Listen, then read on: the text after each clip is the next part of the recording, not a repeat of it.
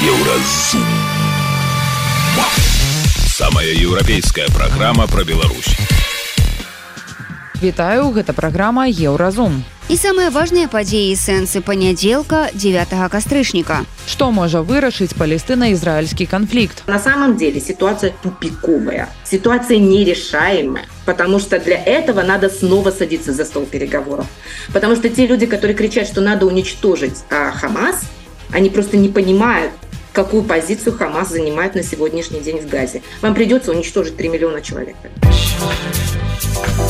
Як перажывае вайну краіна, якая прывыкла жыць на вайне. Общество должно сплотиться, общество должно дать ответ, Израиль должен победить, и когда уже победят, будет разбор полетов.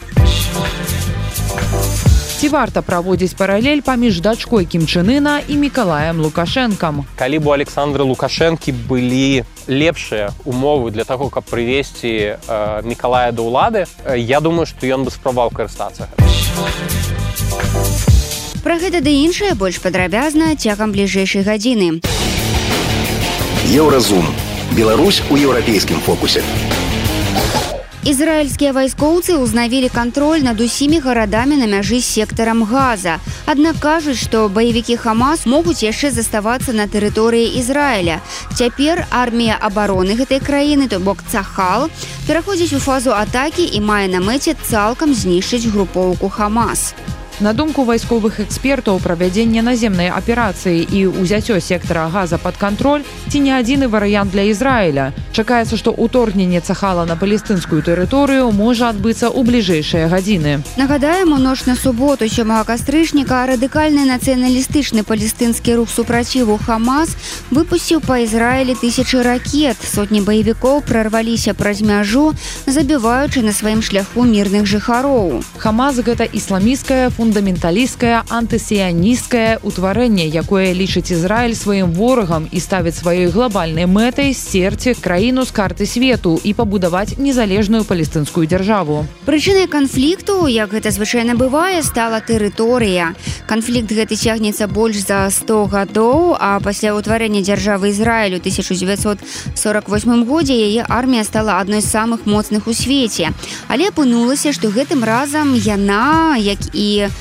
ізраільская разведка не былі гатовыя да настолькі маштабнага нападу праціўніка. Адны эксперты вінавацяць ва ўсім ізраільскія спецслужбы. Маўляў, такое ўварванне рыхтавалася доўга, за ім можа стаяць Іран і як можна было пра гэта не ведаць.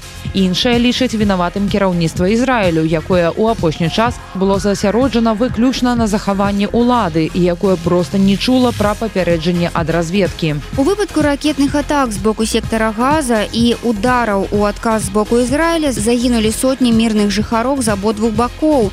Тысячы раненых. Ізраіль прыняў рашэнне адключыць сектар газа ад вады і электрычнасці. Па словах гісторыка і палітолага розы турарбекавай прычынай падзеі ў Ізраілю ў тым, што мноства канфліктаў ігнаруюцца і не вырашаюцца доўгі час. Наш рэдактар зміцер Лукашук абмеркаваў са спадарэння розай сітуацыю вакол гэтай новай вайны у сваім телеграм-канале вы параўналі сітуацыю ізраильска-палестинскага конфликта с ситуацией у карабаху карабахска-азербайджанскі там ці армяна азербайджанскі як тут правильно сказать конфликт у чым тут падабенства непадабенства а ці ёсць магчымасць ввогуле параўноўваць гэтыя две ситуации понятно что ситуация абсолютно уникальная отличающаяся друг от друга если мы с вами говорим об израильско-палестинском конфликте то этот конфликт является частью огромного большого конфликта под названием ближневосточный он имеет очень такую серьезную давнюю историю в этом как бы необходимо разбираться в э, нем задействованы а, достаточно большое количество государств и сторон. Если мы с вами говорим об армяно-азербайджанском конфликте за Нагорный Карабах, ситуация несколько иная. И у армян, и у азербайджанцев есть своя государственность, но проблема вот этого анклава, я имею в виду Нагорного Карабаха. В этой ситуации как бы э, какое может быть только сопоставление? Ну, во-первых, с хронологической точки зрения, то есть идет обострение, да, мы практически с вами видим, да, на протяжении последних нескольких недель обострение вот этих вооруженных конфликтов. И не просто обострение, а что одна из сторон планомерно готовилась к войне, накапливала вооружение с тем, чтобы окончательно поставить точку в случае, например, с азербайджанско-армянским конфликтом за Нагорных Карабах. Фактически на наших с вами глазах была ликвидирована она Нагорно-Карабахская республика, да, как э, независимая или там сепаратистская, тут уже в зависимости от политической оценки, на чьей вы стороне находитесь. И что касается палестино-израильского конфликта, конфликта, то здесь э, как бы совсем другая ситуация. У палестинцев до сих пор нет своего государства, хотя они к нему идут с 1947 года, но его пока еще де-факто нет, и даже де юре большие сомнения. Но тем не менее, а, в секторе Газа, или там, если точно говорить, это большой, большая городская агломерация, 3 миллиона человек примерно, и западный берег э, реки Иордан, это, э, скажем так, э, территория палестинской национальной автономии, которая на сегодняшний день фактически разделилась. И вот Хамас, контролируя Газу, он нападает с территории Газы на Израиль, и Хамас не является государством, и даже не, пока на сегодняшний день не может говорить о том, что они претендуют на представительство палестинского народа, по крайней мере, с точки зрения международно-правовой. Потому что с международно-правовой точки зрения представителем палестинского народа там, с 80-х годов была Организация освобождения Палестины, и потом в 2011 году в ООН была принята еще декларация о создании государства Израиль, но это, конечно, инициаторами была, была администрация палестинской национальной автономии, которая в основном находится на западном берегу реки Иордан, у которого серьезный конфликт с Хамас. Но Хамас есть, как субъект политический, мы называем его террористической организацией и не без оснований, но он есть. Хамас контролирует э, вот эту территорию, которая должна, по идее, войти в состав палестинского государства. То есть в этом разница. В чем как бы общее? Общее заключается в том, что на сегодняшний день мы просто наблюдаем інтэнсіфікацыю этих канфліктаў і переход іх вооруженную стадію з гэтага пункту гледжання вы там сказали ўсё ж таки про тое что шмат было не зроблена раней для того каб гэтыя канфлікты нейкім чынам ну не абвастрыліся сёння. І ведаеце глеючы на тое як учора адбывалася і дакладней чым скончылася пасяджэнне ан тэрміновая дзе асноўная рэзалюцыя была здаецца у тым что ну не трэба было ім так вот дзейнічаць. Вывучаць скажите мне это что? Что это за нездольнасць ни до чаго нават выкля выказаць нейкую заклапочанасць а нешта увогуле неутямная позиция? Это про что сведчыць вот як вы увогуле оцениваете? Ну вы понимаете что когда мы с вами говорим о заседании Совета Безопасности ООН мы в первую очередь имеем в виду позиции пяти постоянных членов под пятью постоянными членами мы с вами знаем, кто имеется в виду. Да? Соединенные Штаты,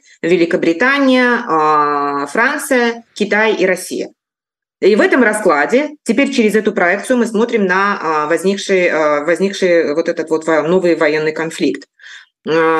Кто на чьей стороне в этой ситуации будет? Какой будет результат? Какая, какая, какая будет принята резолюция с такими, извините меня за выражение, членами? Ну, вот э, такая вот, э, э, извините вот такая. за слова, членская резолюция и будет. Никакая, никакая, никакая. Это не резолюция, они не решают ничего. Они наоборот, скажем так, в определенном смысле просто сделали декларацию и все. Они продекларировали ну, какие-то совершенно очевидные вещи, что этот э, конфликт должен быть решен мирным путем, э, что они выступают против актов э, там, чего там, агрессии, террора и так далее. Ну, извините меня, это не резолюция, это не решение. Да?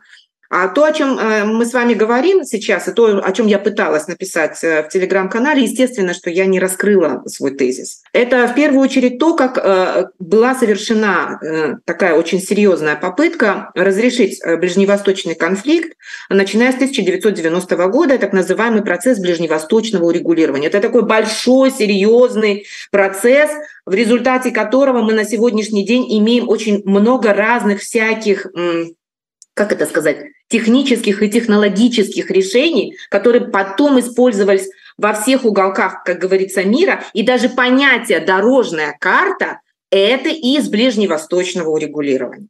Так вот, в рамках ближневосточного регулирования было предложено два подхода.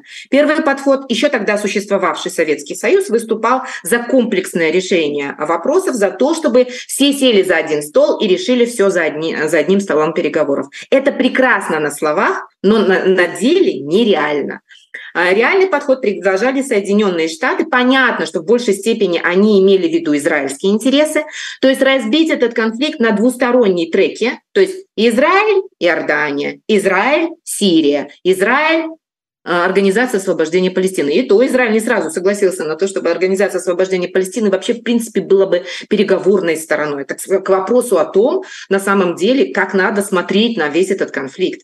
И этот подход победил. Працягваем размову з розай турарбекавай зразумела пазіцыя роля Ірана ва ўсёй гэтай сітуацыі ўсёй гэтай антыізраільскай осі як яны там называются. Але гучыць і тое что Росія Китай где-то там вот нібыта уши торчаць Як вам бачыцца роля ў гэтай сітуацыі России і Китая А почему Россия и Китай длительное время поддерживала палестинское движение сопротивления? Потому что Организация освобождения Палестины идеологически была близка. То есть это были социалистические идеи. Если вы помните Ясера Арафата, то его идеи, идеи ПДС, да, там были очень сильны именно идеи левые, социалистические. Отсюда ООП опиралась а, в своей деятельности, в том числе напомню, что не всегда ООП признавалась как нормальная организация, тоже считалась террористической организацией, они тоже совершали определенные теракты. Все это было. А потом Ясер Арафат, если вы помните, стал даже Нобелевским лауреатом премии мира. Кстати, так вот, они были близки. Отсюда эта идеологическая была война. Это часть холодной войны. На стороне Израиля были кто? Соединенные Штаты. На стороне Организации освобождения Палестины были кто? А, в первую очередь Советский Союз, и впоследствии даже стал их поддерживать Китай. Причем, ну, там роль Китая надо рассматривать отдельно, потому что у Китая были свои как бы интересы и виды. Но к сегодняшней ситуации это применить бывает очень сложно по той причине, что когда начался ближневосточный а, процесс ближневосточного урегулирования, Организация освобождения Палестины стала больше, Советский Союз исчез, стала в большей степени опираться на а Европейский Союз. Европейский Союз в качестве коспонсора процесса ближневосточного урегулирования выделял очень серьезную материальную, финансовую и всякого рода другую помощь а, в создании вот этой палестинской национальной автономии. Но Здесь, внимание, факт. Проблема заключалась в том, что часть этих средств была разворована. И вот это воровство и эта коррупция, которая стала процветать в ПНА и ОП, а закончилась тем, что в 2007 году в Газе на выборах, которые были предусмотрены промежуточным регулированием, победила партия от Хамас. И фактически раскололась а, территория, контролируемая палестинской национальной автономией, на две части. Газа – это под Хамас, а западный берег реки Иордан – это под ООП. Вот на сегодняшний день мы имеем с вами дело с Хамас, только с частью палестинского движения сопротивления, причем с радикальной частью, но той частью, которая пришла к власти на самом деле через выборы, а эти выборы они выиграли демократическим путем и в результате повестки, антикоррупционной повестки против ООП. Во как дело было. И Хамас — это государство в государстве. В то время как ООП занималась разворовыванием, разбазариванием денег, в это время Хамас строил школы и мечети и помогал бедным. С одной стороны, с другой стороны совершал теракт але мы говорим про сённяшні день? Вот сёння роля России во ўсёй гэтай войне в этом нападе. Вам бачыцца Я думаю что Россия на самом деле напрямую не задействована но бенефициаром да является именно Россия. Почему? Потому что сейчас все внимание от Украины переключилось на на Ближний Восток да. И Соединенные Штаты сейчас э, понятно руководствуясь в первую очередь тем что Израиль является первым и главным стратегическим партнером Соединенных Штатов на Ближнем Востоке сделает все поставить любое оружие сделает все для того, чтобы а, операция Израиля в Газе завершилась ну хоть какими-то результатами. Хотя на самом деле ситуация тупиковая, ситуация нерешаемая. Потому что для этого надо снова садиться за стол переговоров. Потому что те люди, которые кричат, что надо уничтожить а, Хамас, они просто не понимают, какую позицию Хамас занимает на сегодняшний день в Газе. Вам придется уничтожить 3 миллиона человек тогда. Всех людей, которые там живут. Вот в чем дело. Понимаете, это как с Талибан. Это такая ситуация. Их победить нельзя. Вот прям впрямую уничтожить. Даже если туда будет обрушена вся машина военная Соединенных Штатов, как это было с Афганистаном в 2001 году. И что на сегодняшний день мы имеем? в Афганистане. Поэтому моя публикация в телеграм-канале, поэтому она была такая. Это дело не в том, что я не сочувствую Израилю, израильскому народу. Дело не в том, что я не, не сижу и не, не наблюдаю за этим, и без ужаса и страха за, за этим наблюдать невозможно. Но я просто себе, как эксперт, представляю, что будет дальше. Ситуация нерешаема. Гэтага умоўна кажучы Ну калі уже мемами говорить взяли газу за три дня не атрымается нет еще будет хуже тактический успех будет как э, американцы в Афганистане в 2001-2002 году. Успех будет тактически, а результат будет через 10 лет. Очень страшно.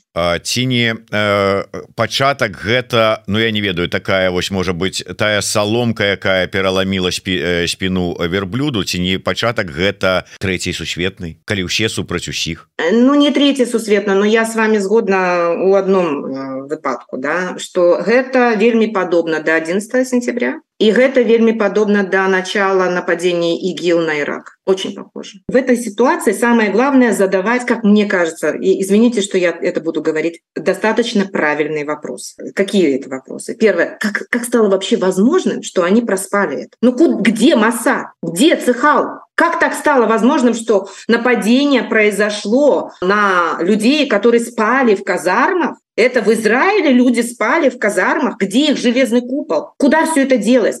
Потому что на самом деле я всегда была очень высокого мнения о Масаде и о. Очень профессионально всегда работали. Я знаю, почему они занимались бомбардировками и Сирии, и Ливана, и даже Ирана. Они занимались превентивными вещами. То есть они бомбили те, те объекты и ту инфраструктуру, которая в будущем могла способствовать вот такого рода нападениям. Но у меня в этой связи вопрос, как стало возможным такое количество ракет обладателями которого стали Хамас. Понятно, что Хамас не зарабатывает столько. Откуда у них столько оружия? Первый, конечно, ответ, который напрашивается, это Иран. Но дело ведь не только в Иране. Как оно стало, возможно, перемещено на территорию э, Газа? Вот вопрос. Почему, кстати говоря, израильские военные силы бомбили недавно Ливан в рамках вот этого сейчас операции? Я думаю, что они таким образом пытаются отрезать эти самые пути. Видимо, поставка э, оружия настолько хорошо налажена, и она настолько массовая на сегодняшний день день, что им приходится и сейчас э, инфраструктуру бомбить не только в э, секторе Газа, но и в Ливане. Ясно, что Иран заинтересован в этой войне. Ясно, что и Россия заинтересована в этой войне. Она заинтересована в том, чтобы все внимание было отвлечено от Украины и переключено на этот конфликт. Беспроигрышный вариант я бы сказала так. Но это, это все понятные вопросы, да, это все ясно, почему они заинтересованы и так далее и тому подобное. Но у меня вопрос, почему это стало возможным? Вот как. Это просто, ну вот от чего шок такой мы все испытываем. Я, например, испытала настоящий шок, потому что для меня всегда ну, Масад и Цехал это были в определенном смысле образцы а, того, как должны работать спецслужбы и а, вооруженные силы в условиях достаточно враждебного окружения. И, кстати говоря, реформы, которые они, военные реформы у себя проводили, были образцами для реформ военных в США и впоследствии в НАТО. Они же в этом смысле впереди планеты всей. И если они проспали, у меня к ним вопрос как стало возможным. Палітолог і гісторык Роза Турарбекова патлумачыла прычыны палестына-ізраільскага канфлікту і распавяла, чаму нават калі Ізраіль знішчыць Хамас, канфлікт гэты не вырашыцца. Далее у праграме Еўразум. Як перажывае вайну краіна, якая прывыкла жыць на вайне. Общество должно сплотиться, общество должно дать ответ, Израиль должен победить, и когда уже победят, будет разбор полетов. Ці варта праводзіць паралель паміж дачкой кімчынына і мікалаем лукашэнкам? Калі бы у александры лукашэнкі былі лепшыя умовы для таго каб прывесці э, мікалая да ўлады э, я думаю што ён бы справаў карыстацца сустрэнемся пасля музычнай паўзы і навінаў спорту.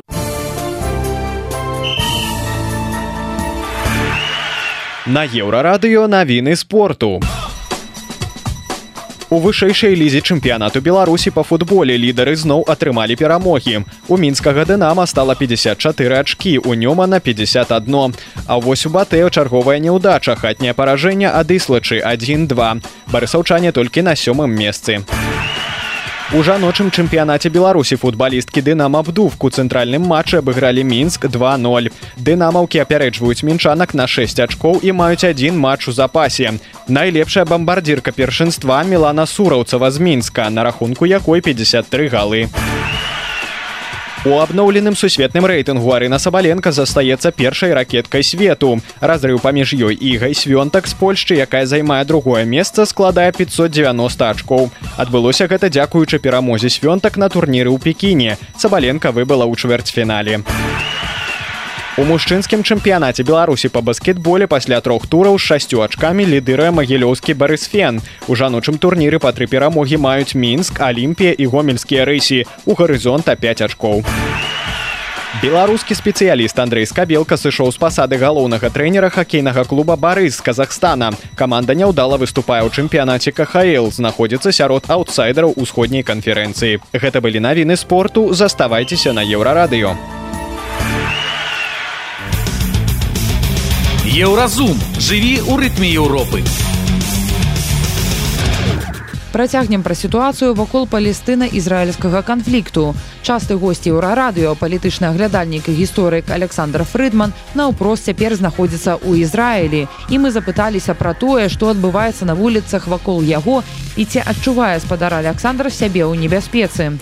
Конечно, шок в обществе, он, э, он ощущается, то, что вчера, позавчера было практически все, все закрыто, сегодня уже больше открыто, сегодня уже больше людей э, на улицах, но все равно нельзя, конечно, сказать, что жизнь вернулась э, к нормальному. Этого, этого, этого нет. Но в Израиле, во-первых, привыкли жить в такой чрезвычайной ситуации. Ну и в Израиле, конечно, очень отличается сейчас положение в разных частях страны части страны, которые примыкают к сектору газа, да, там особенно тяжелое положение, там идут постоянные э, обстрелы, там идут боевые действия на территории, на территории, на территории прилегающей, идут постоянные бомбардировки, это тоже видно, потому что летят самолеты в сторону сектора, сектора газа, и понятно, что они летят, э, летят туда бомбить. Что же касается центральной, северной части, то конечно же, дело обстоит э, поспокойнее, там, в том же, в том же Тель-Авиве. Ситуация более спокойная. Ну, например, сегодня удары были и по территории, и по Тель-Авиву, и особенной целью Хамаса является аэропорт Бенгурион, главный израильский аэропорт. По нему они пытаются наносить как можно больше ударов. Но система ПВО, она в целом, в целом израильская система ПВО, она очень хорошая, она, она справляется. Паводле слоў Александра Фрыдмана жыхары Ізраіля звыкліся да жыцця з адчуваннем небяспекі. Таму на дадзены момант менавіта панікі на вуліцах няма. І да таго ж усе ведаюць пратаколы. Што рабіць, калі падчас сірэны ты едзеш у машыне на працу, альбо што рабіць, калі знаходзішся дома. Тым не менш напада ў суботу не чакаў ніхто працягвае эксперт ситуация такая в общем была довольно расслабленная ничего совершенно не говорила о том что могут начаться какие-то боевые действия дело в том что локальные боевые действия там те же ракеты которые посылают здесь является нормальной практикой к этому к этому привыкли но то, что произошло в этот раз, когда, с одной стороны, Хамасу не только, не только он Э, ракетами. Ракеты посылал на израильскую территорию, но они еще и перешли, и они еще некоторые территории даже какое-то время удерживали под своим контролем. Они убивали мирных граждан, они брали заложников. И количество погибших, оно абсолютно ужасное. Оно привалило уже за 700 человек по израильским меркам. Это просто, это просто невероятно. Те эмоции, которые были у людей, вначале это был шок, который, который наблюдался. Очень было много военных, которые, э, по которых вызвали резервисты Израиль. Вызвал 300 тысяч. И на улицах того же Тель-Авива это было видно. Когда шли э, солдаты и солдатки, они отправлялись в армию. Там были сцены прощания, потому что было понятно, что многие из них действительно идут на войну, что будут боевые действия, что, скорее всего, будет наземная операция э, в секторе Газа боль за потери сейчас до сих пор на улицах видны, можно там встретить такие импровизированные напоминания о погибших, например, фотографии, цветы, камни по еврейской, по еврейской традиции, даже в центре, в центре Тель-Авива. Это, это видно. Ну и, конечно же, злость. Злость, что вот такое произошло, и желание отомстить за это, это, это эти, эти эмоции присутствовали. У сектары газа жыве больш за 2 мільёны чалавек. Куды ім ісці, калі газа будзе палаць у выпадку пачатку наземнай аперацыі арміі Ізраіля. З аднаго боку ад газы ўласна Ізраіль, які ўцікачам адтуль дзверы не адчыніць. З іншага Егіпет, які пакуль таксама не выказаў жадання іх падтрымаць. Вось што думае пра гэта Александр Фрыдман. Да, поток мог быть бы из газы очень большой, не исключено, что он будет, но тут э, многое зависит от Египта. То есть, если Египет решит открыть границу и взять этих людей, тогда да, может быть волна. Но маловероятно, что Египет это сделает, потому что он в этом совершенно не интересован. Не заинтересован, потому что там куча людей радикально настроенных, вооруженных, так что им, им это не с руки. А то, что Израиль их куда-то пустит, конечно, вообще исключено. Поэтому это уравнение с огромным количеством неизвестных. Хамас, видимо, скорее всего, по указанию Ирана, наверное, принял решение проводить эту операцию самым шутким образом. Вот все эти кадры злодеяний, которые mm-hmm. произошли на территории Израиля, они же разнеслись по всему миру их особенно много крутят в Европе.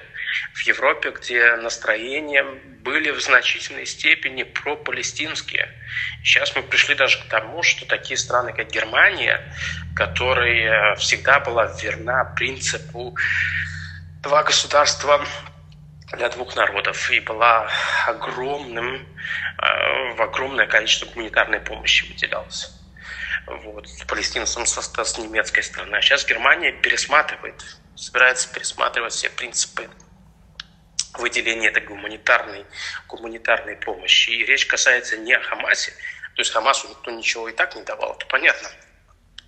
Речь идет о палестинской автономии, э, потому что палестинская автономия фактически поддержала это восстание, эту авантюру Хамаса. Поэтому я не думаю, что что-то следует ожидать. А что касается арабских стран, ну, арабские страны и Иран, они всегда использовали палестинцев в качестве пушечного мяса для решения своих собственных целей.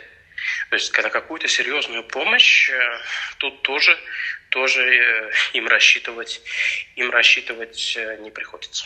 Сітуацыю ў Ізраілі часам параўноўваюць з вайной ва ўкраіне, напад, які ніхто не чакаў і жорсткасць, якой таксама не чакаў ніхто. Падабенства таксама ў тым, што напярэдадні вайны рэйтынг абодвух прэзідэнтаў і ўладзіміра зяленскага і беняміна нетаньяху быў далёкі ад свайго максімума. Але падтрымка зяленскага як лідара падчас вайны вельмі вырасла, а з пазіцыі нетаньяху сітуацыя цалкам адваротная то, что я видел, то, что мне говорили, то, что я читал в первый день, там было очень много плохих слов в отношении Нетаньяху и правительства за то, что они это допустили, за то, что э, страна была не готова, и то, что такой ужас произошел на территории Израиля. То же, что надо понимать в этой ситуации. Палестинцы, да, Хамас заплатит э, за это совершенно жуткую цену. То есть там идут бомбежки, бомбежки идут очень жесткие, там уничтожается инфраструктура, газы. Там есть большие спекуляции по количеству потерь в газе. Там речь идет, возможно, уже о тысячах.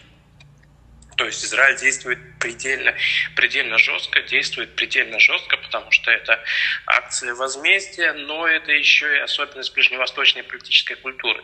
Потому что если ты на Ближнем Востоке себя показываешь слабым, то тебе и будут относиться соответствующим, э, соответствующим образом. Вот.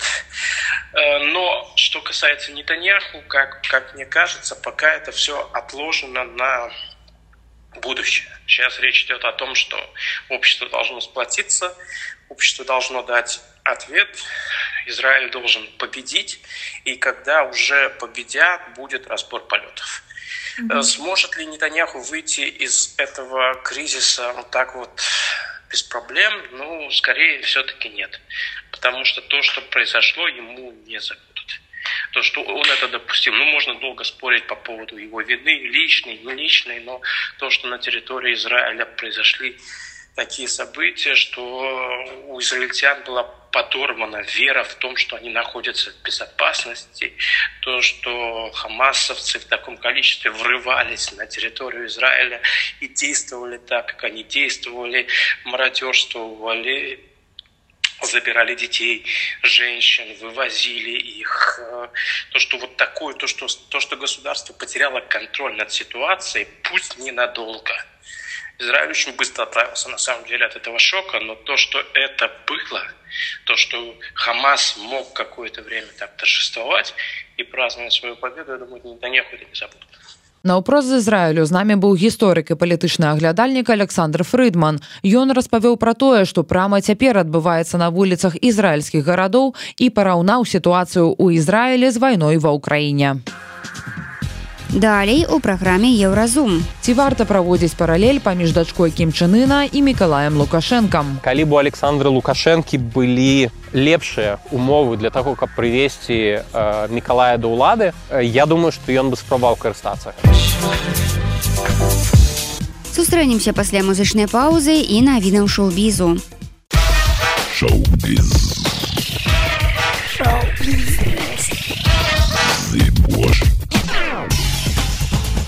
Навіны шоу-бізу на еўрарадыё. У Coral Гейбл скончылася 30 цырымонія Billboard Latin Music Awards, якую ўручаюць у гонар самых папулярных альбомаў песень і выканаўцаў лацінаамерыканскай музыкі.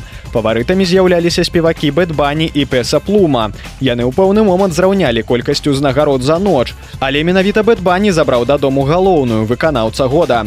Лепшым сінглам была прызнана дуэтная песня плумы і эсбалона арманда эла байла сола. З ашаламляльнымі выступамі на сцэну выходзілі ціні мануэль турыза марк энтоні і многія іншыя Рэжысёр гильерма дэль Тора пацвердзіў што ён у свой час працаваў над фільмам новай стужкі кінасусвету. Зорныя войны у цэнтры якога быў сумна вядомы крымінальны лорд джаба хат які жыў на планеце татуін дзе вырас люк скайвокер дель тора працаваў над праектам са сцэнарыстам дэвідам гоерам які ўпершыню апублікаваў гэтую навіну ў мінулым месяцы ў падкасці happy set confused гоер сказаў што ў той час у лукасфільм адбывалася шмат закулісных рэчаў але гэта круты сцэнар. у літаратурная прэмія ежы гідройца назвала кароткі спіс намінантаў у шасцёрку якога ўвайшлі наймацнейшыя пісьменнікі 12 сезона літаратурнай прэміі сярод намінантаў олег дашкевич макс шчур інна снарская сцяпан стурэйка ганна кандратюк і сергей лескець журы прэміі сёлета андрей хаданович катажына дрозд урбаньска ціхан чарнякевич ева вежнавец сергей кавалёў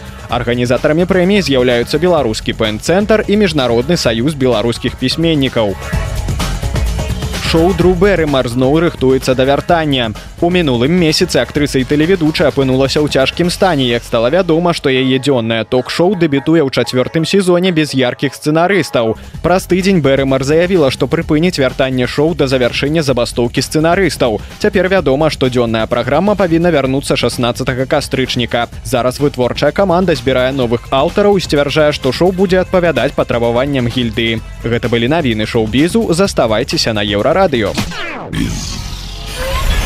еўрарадыё кропка фм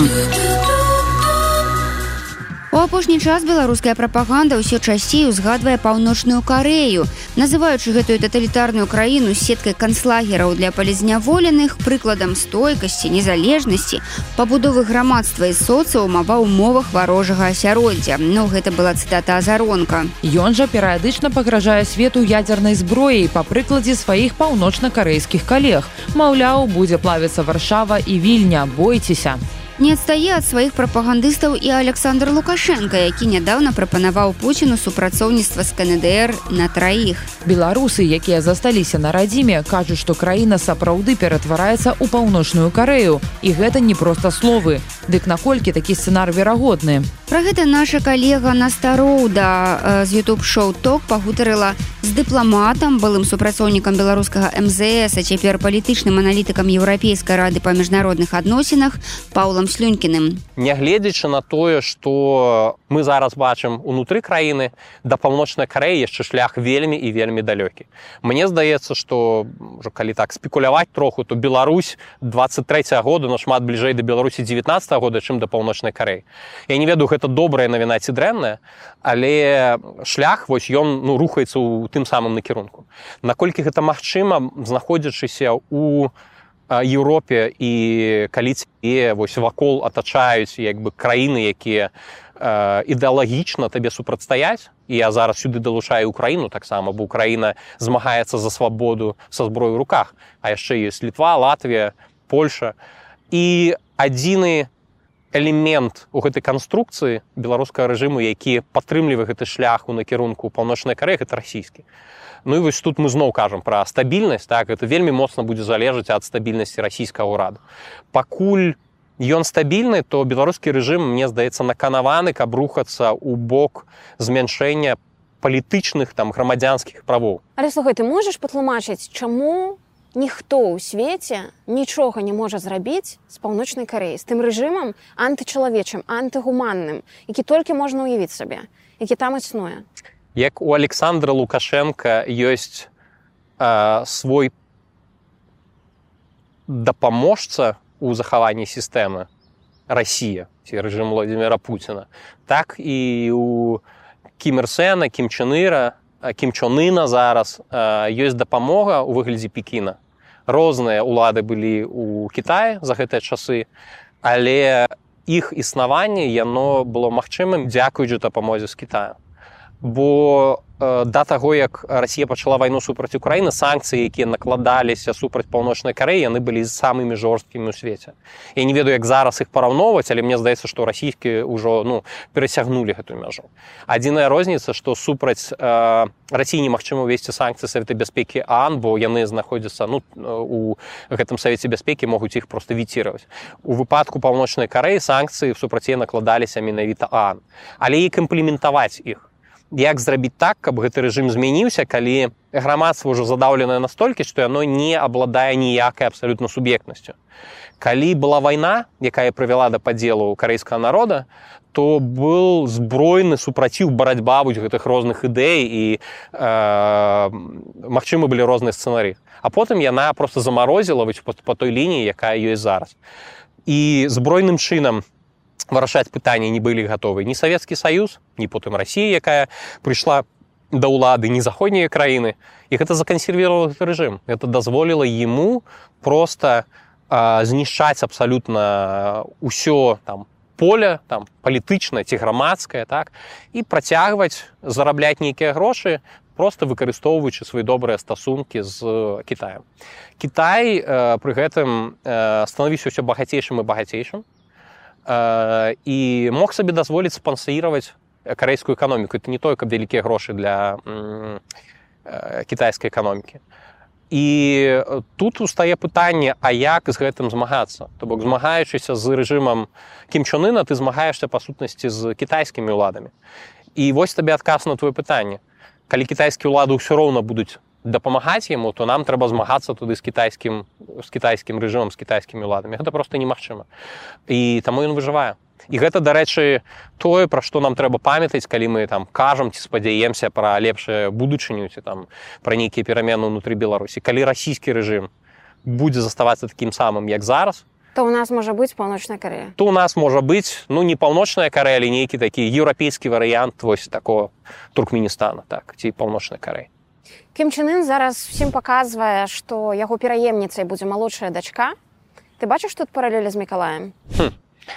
Я б не праводзіў такіх паралеляў, я не ведаю насамрэч, як бы ці збіраецца ён дачку сваю рабіць пераемніцы, ці гэта проста яго гульні, ну такія ведаеце, як у малога дзіцяці, які атрымаў вялікую цацку. Ну, па сутнасці кімчынын ён жа ж як з цацкай гуляецца з дзяржавай чалавек які нікому не падначальваецца он можа рабіць што хоча там сабакам скарміць свайго дядзю там ці э, э, расстрэльваць чыноўніку які ему не падабаюцца ці засынаюць на яго выступах і таму сёння ён сваю дачку выставляе так а заўтра ён можа зробіць тое што зрабіў са сваім братам так якога атрусілі ну бок тут я б не стаў такіх вельмі далёкіх паралеляў праводзіць бо мы ну насамрэч вельмі мала ведаем пра карэйскі рэжым пра беларускі мы ведаем нашмат больш я думаю что калі бы александры лукашэнкі былі лепшыя умовы для таго каб прывесці мікалая да ўлады я думаю што ён бы спрабаваў карыстацца гэтым. Я яшчэ да пачатку вайны у 21 годзе ці на двадцатым калі размаўляў пра гэту тэму і казалі ну вось пра тое што зараз рэферэндум там праводзіцца былі такія аналітыкі якія казалі пра тое што магчыма ён пасля гэтага вось ён збіраецца сысці я гэта ніколі не верыў ну бо па-першае лічу што для александра лукашенко нічога важней за ўладу няма Я думаю што жыццё ніводнага чалавека не вартае для яго столькі колькі вартае для яго ну, яго ўлада асабістая і таму мне здаецца што вось варыянты перадачы ўлады на у Казах... як у Казахстане мы просто не падыходзіць. Ён хутчэй глядзіць на варыянты, які былі ў сірыі, так? дзе э, хафісасад перадаў ладу башару асаду. Аліва, дзе гідар Алію перадаў свайму сыну э, Аліеву ці паўночнай карэі, пра якую мы толькі што размаўлялі. Там рэжымы захавалі сябе, там рэжымы і ўлада захаваліся ўнутры сям'і і яны паказалі, што яны эфектыўна працуюць і я думаю што ён разумее што перадаваць уладу за межы сваёй сям'і гэта просто небяспечна па-першае не збіраецца і перадаваць але калі прыйдзе момант калі уявім александр лукашенко зразумее што ўсё ўжо здароўе ему не дазваляюць ён просто раптам памрэ ён ну я упэўнены што ён будзе спрабаваць гэта захаваць унутры сям'і хто гэта будзе? Мікалай ці Віктор ці Дмітрый ну гэта такія рэчы якія я не магу э, прагназаваць бо ну тут вельмі складана э, пра гэта размаўляць. Усё з чаго хоча лукашенко дажыць да смерці трымаючы ў руках уладу ці захаваць рэжым у беларусі нават пасля смерці Працягвае Павел Слюнькін. А як ты думаеш, мэта Лукашэнкі як бы дажыць да канца сваіх дзён трымаючы ў руках гэтую ўладу ці захаваць рэжым у Беларусі пасля сваёй смерці у тым ліку? А, і то і другое.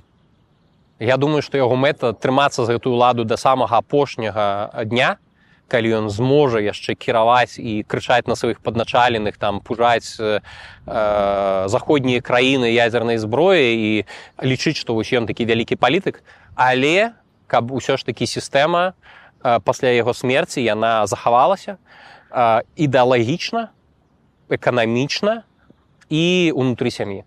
Я ведаю што ты знаёмы асабіста з мікалаем. Ну гэта так трошку перабольшання так мы знаёмы я з ім бачыўся падчас аднаго з мерапрыемстваў калі я працаваў у дзяржаўным пратаколе беларусі так мне здаецца гэта кыргызстан быў. І так мы там паўгадзіны знаходзіліся ў адным пакоі прыкладна разам. Ты можаш штосьці распавесці пра яго? Ніхто ну, нават не ведае разумееш ніхто не чуў як ён гаворыць пра што ён гаворыць. То бок мы ведаем толькі карцінку А што за гэтай карцінкай нуль нуль здагадак мы з ім э, ели марозева разам з адной баначкі гэта было мерапрыемства оно вельмі доўгае но вельмі доўга цягнулася і э, я тады не не снедаў мне літаральна не было часу каб нават просто паесці бо там пачалося чацвёртай раніцы я прачнуўся вось усё вось гэта круцілася круцілася і ўжо быў дзень і я просто не вось мяне узнікла пауза я зайшоў у такую у такі пакой дзе у прынцыпе знаходзяцца там часткі дэлегацыі людзі якія э, дапамагаюць вось гэтаму гэтым усім перамовам працаваць. І там быў таксама мікла які прыехаў з александром на сустрэчу.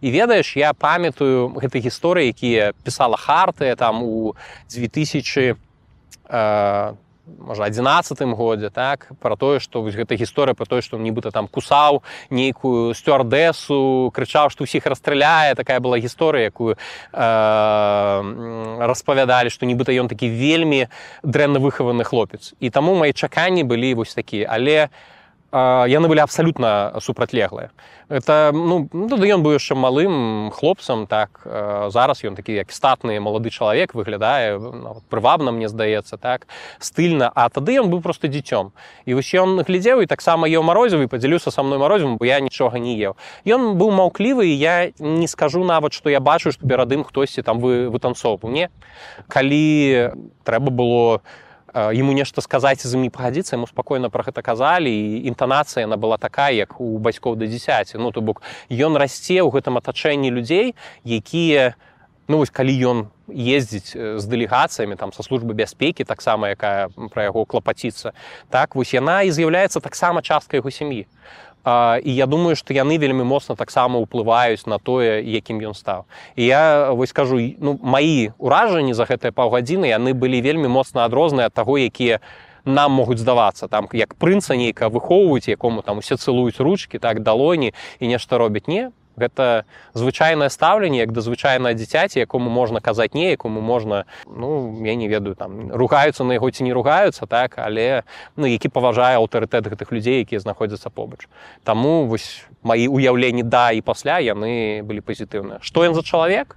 Пра што ён думае што яму падабаецца я не ведаю бо мы за ну талкам цолкам не, не размаўлялі бо былі занятыя больш важнымі рэчамі Але слухай лукашенко часам там заяўляў што мікалай ледзь не апазіцыянер у яго сям'і ты верыш у гэта ну гэта ж я александр лукашенко так ён вельмі любіць прэзентаваць нейкія такія рэчы. Ён жа ж і сваіх чыноўнікаў падначаленых таксама часта апозіцыянерамі называе. Таму я б вельмі скептычна гэта ўспрымаў але я магу зразумець што калі э, мікалай уявім да падыходзіць і кажа александру лукашенко ну не трэба зачыняць youtube так ці інтэрнет гэта не толькі сметніца то гэта для александра лукашенко ўжо апозіцыянер бо хто яму яшчэ гэта скажа так калі не родны сын які можа сабе дазволіць бяспечна пярэчыць александру лукашенко і таму гэта можа быць і праўдай можа быць і перабольшваннем але ну ён малады чалавек які рос на заходняй культуры на заходніх гаджетах. Ён карыстаецца ўсімі тымі мабільнымі тэлефонамі сучаснымі. Ён глядзіць усе гэтыя там не веду дзяцінстве глядзеў заходнія мульцікі магчыма так? У яго героі нейкія былі з коміксаў якіх ён таксама хутчэй за ўсё любіў. Апранаецца ён таксама відавочна не ў белых праме так? А ўсё ж таки ў больш якасных рэчах які зробленыя ў заходніх краінах.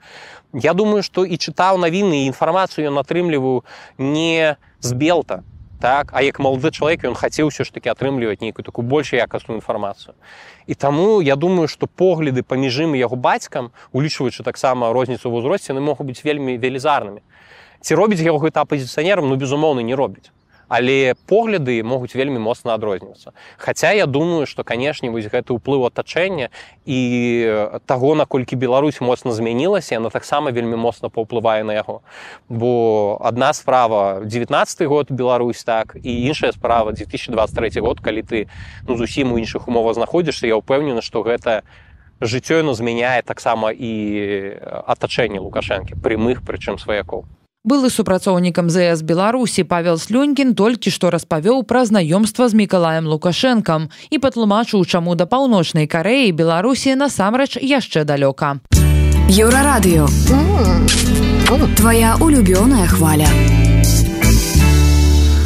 Гэта была праграма Еўразум, штодзённы інфармацыйны падкаст еўрарадыё. Кожны дзень мы распавядаем пра галоўныя навіны Беларусі і свету. А сённяшні выпуск скончаны. Беражыце сябе. Пачуемся.